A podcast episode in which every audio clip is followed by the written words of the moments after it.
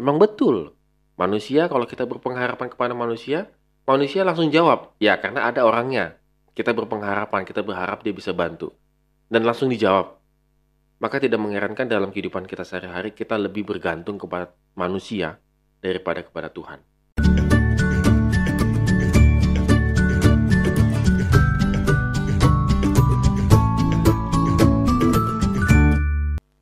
Morning Good Traders, hari ini kita mengucapkan syukur karena Tuhan memberikan kita kehidupan yang baru.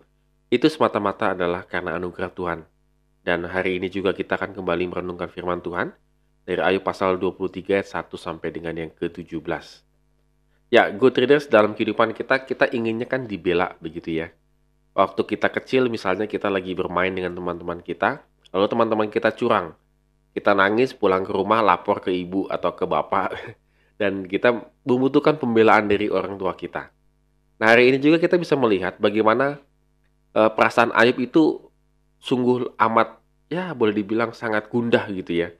Bahwa teman-temannya ini tidak ada yang membela dia. Teman-temannya ini mengajukan terutama Elifas yang kita baca yang kemarin bahwa benar-benar mengajukan satu gugatan yang cukup dalam sebenarnya secara teologis maupun secara logis terhadap Ayub.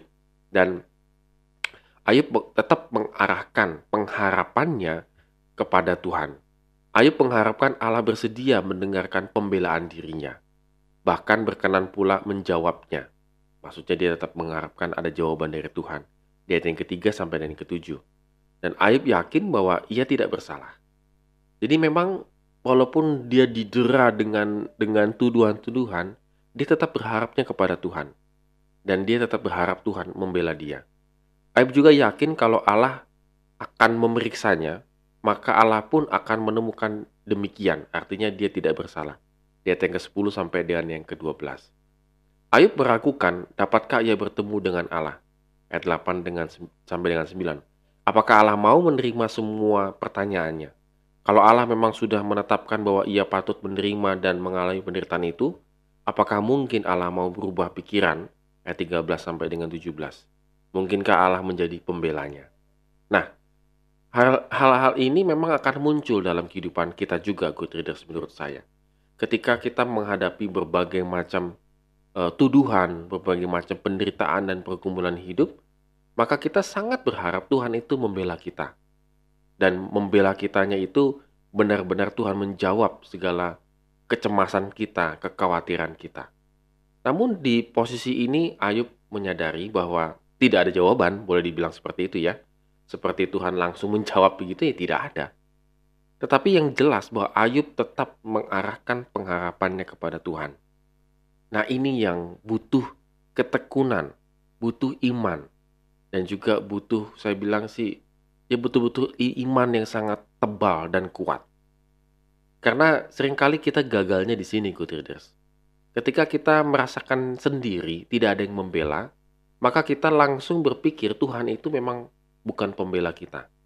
Bahwa Tuhan itu pasti hanya diam saja ketika saya menghadapi persoalan kehidupan seperti ini. Nah, di sini good readers, ujian daripada kita. Kalau kita memang muridnya Tuhan Yesus Kristus, kalau kita memang beriman kepada Tuhan Yesus Kristus, terkadang dalam posisi tertentu kita memang diuji oleh Tuhan. Apakah kita tetap berpengharapan kepada Dia atau iman kita semakin menurun dan luntur.